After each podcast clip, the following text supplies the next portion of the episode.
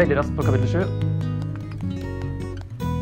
For det har vi ikke tid til å se på så mye om. Men uh, har noen punkter, da.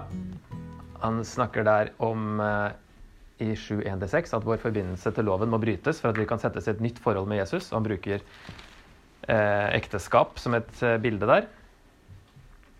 Og at hvis man dør, så, så er man ikke bundet til altså hvis, Dersom mannen dør, er hun løst fra loven som bandt henne til mannen. Så han bruker det som et bilde. Og det er ikke sånn at vi skal dra for mye ekteskapsetikk ut av eller regler eller hva Bibelen sier om ekteskapet akkurat her. For Paulus snakker egentlig om loven, men han bruker ekteskapet som et bilde. da. At døden kutter relasjonen med loven også. Så når han kutter med synden i kapittel 6, så kutter han også med loven, kanskje spesielt for jøder her i kapittel 7. Og så er jo spørsmålet Hvis Paulus lager en sånn parallell mellom synd i kapittel 6 og lov i kapittel 7, at vi er døde for begge, så er jo da et spørsmål er loven da synd. Hva skal vi da si? Er loven synd? Slett ikke. Og det handler jo resten av eh, kapittelet om.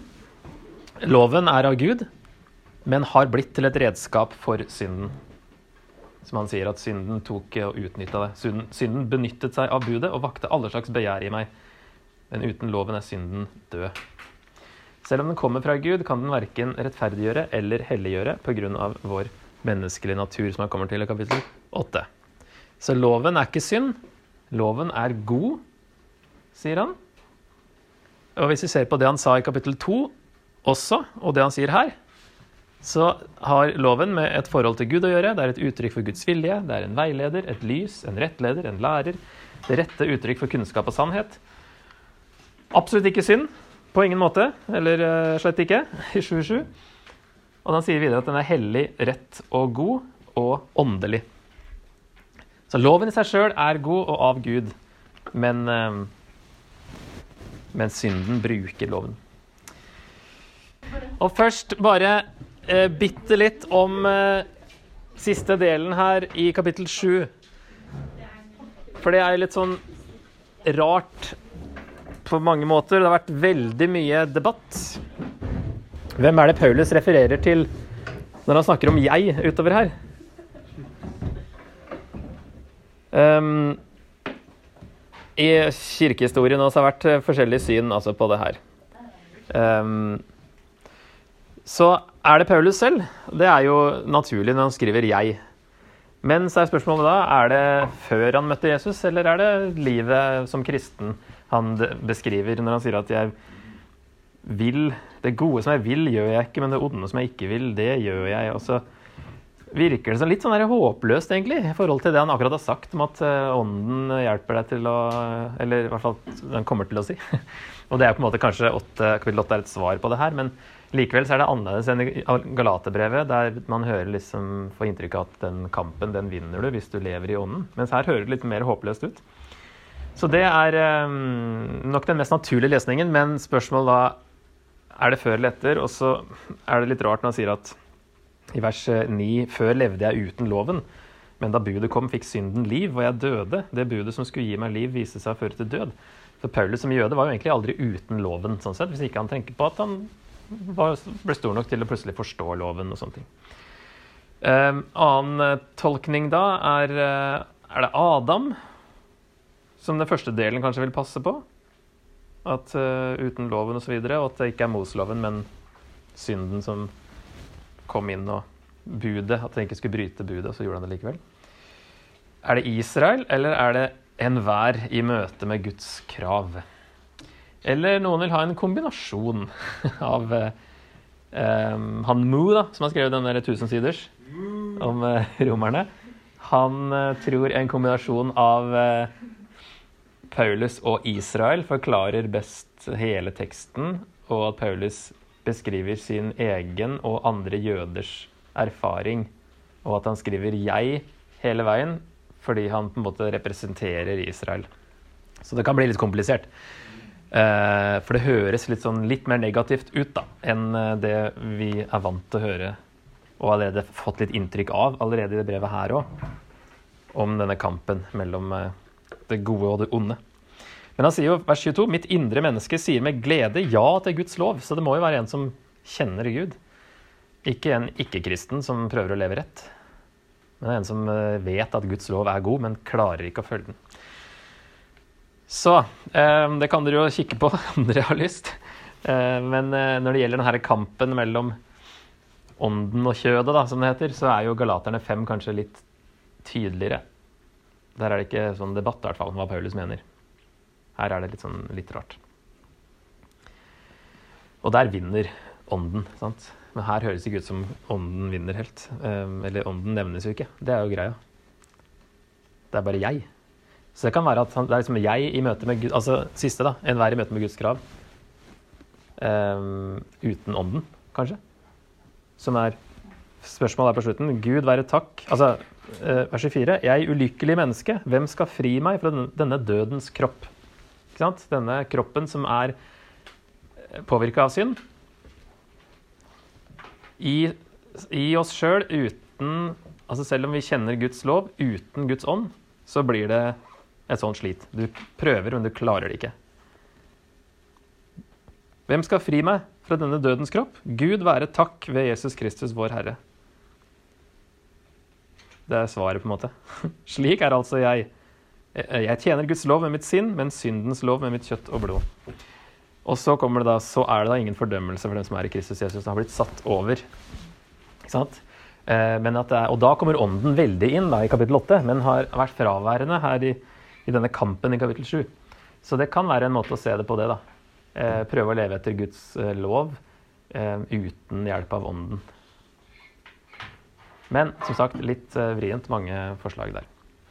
Og så kommer jo da godkapittelet her.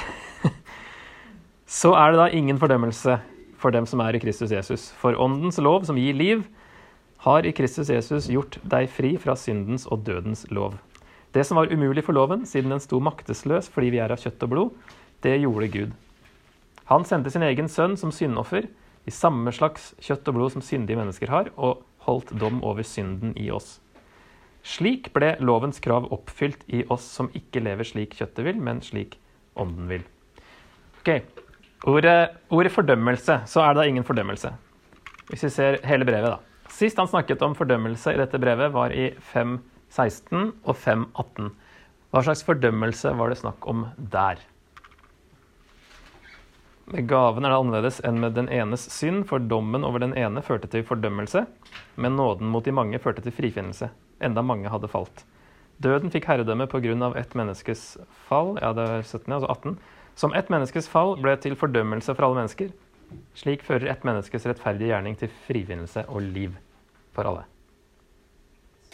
Men her er det tydelig at han i hvert fall henter opp igjen kapittel 5 og den fordømmelsen som kom med Adam der. sant? Synden og at alle ble dømt. Alle står skyldige pga. synden.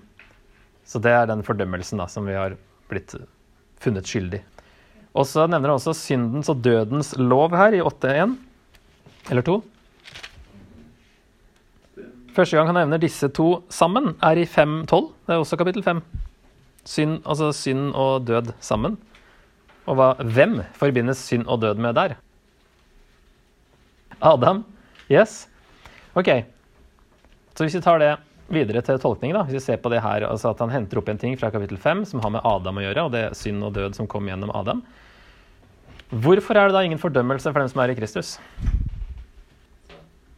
Vi er kanskje vant til å tenke på det verset her som Og det stemmer jo det, ikke sant? at vi skal ikke føle oss fordømt for uh, småting eller store ting. Sant? Og det kommer jo som avledede sannheter, kanskje, av den store sannheten at vi er flytta over fra Adam til Kristus. Derfor er det ingen fordømmelse for de, som han sier i vers 4, slik ble lovens krav oppfylt i oss som ikke lever slik kjøttet vil, men slik ånden vil. Altså at Jesus tok på seg, vers 3, um, ehm, sendte sin egen sønn som syndoffer i samme slags kjøtt og blod som syndige mennesker har, og holdt dom over synden i oss. Slik ble lovens krav oppfylt i oss. Så Jesus har gjort det, ikke sant? flytta oss over. Det er ingen fordømmelse i Guds rike. Fordømmelsen hørte til det andre riket, som vi er blitt flytta over fra. Og Vi er ikke under Adam lenger, derfor er det ingen fordømmelse lenger det som kom med Adam, har blitt uh, eh, kutta. Og så står det egentlig 'nå'. Jeg vet ikke om noen av oversettelsene har det. Så er det På engelsk står det ofte så er det da 'nå'. Ingen fordømmelse. Eller så er det 'nå'. Ingen fordømmelse. Fordi nå er vi i Kristus. Så siden vi er i et annet rike nå. Um, og så er det 8.15 som snakker om um, det her med at ånden skaper den relasjonen med oss, eller med Gud, mellom oss og Gud.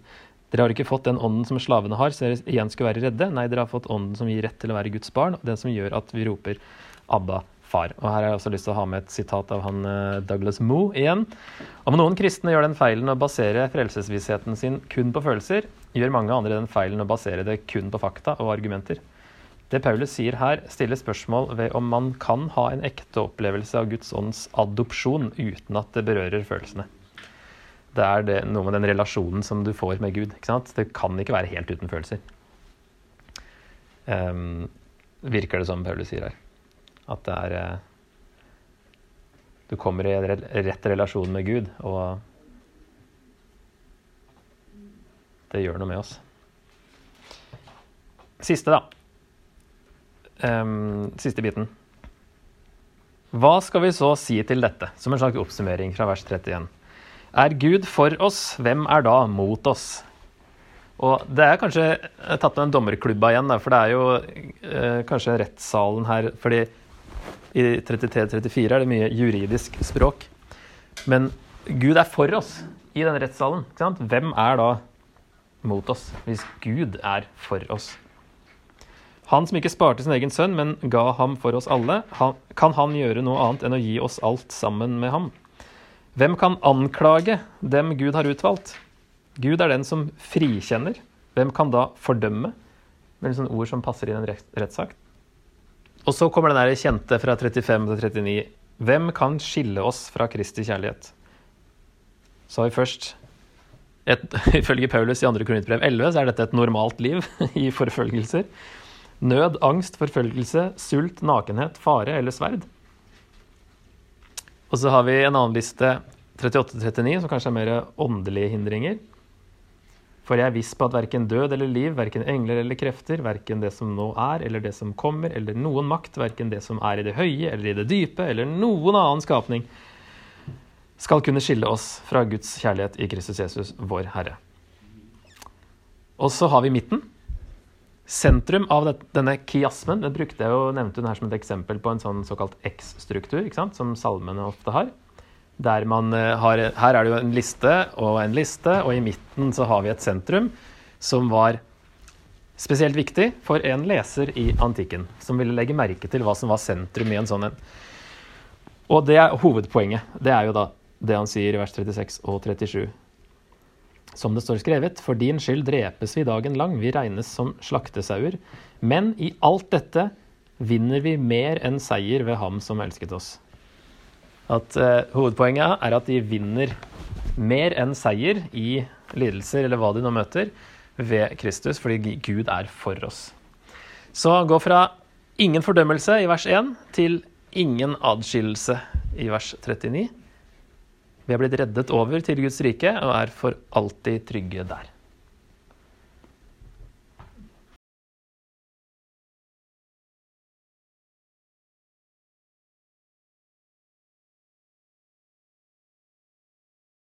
Men her har jeg noen spørsmål jeg tenkte vi kunne eh, Om dere tar ikke så mye tid igjen, men om dere tar noen fem minutter og, og diskuterer før vi hører litt eh, felles som prøver å lande ting fra i dag. Har du tenkt at det ikke har noe å si hvordan du lever fordi du er under nåden, eller har det kristne livet vært et slit på den andre, si, andre grøfta? Tenker du annerledes nå? Eh, også to, å leve slik kjøttet vil, er å la seg lede av verdens verdier, den verden som er i opprør mot Gud. Som 8-7 eh, egentlig cirka sier. Å leve slik ånden vil, er å leve etter verdiene som kjennetegner den kommende verden, Guds rike, som vi er en del av. Hva har vår nye status, som Paulus kaller i Kristus, eller i ånden, å si på hvordan vi lar oss lede? Og tre, der har ikke jeg noe svar sånn eh, på stående fot, hvert fall. Hvordan kan det i praksis se ut å drepe kroppens gjerninger ved ånden? hvordan, eh, hvordan funker det?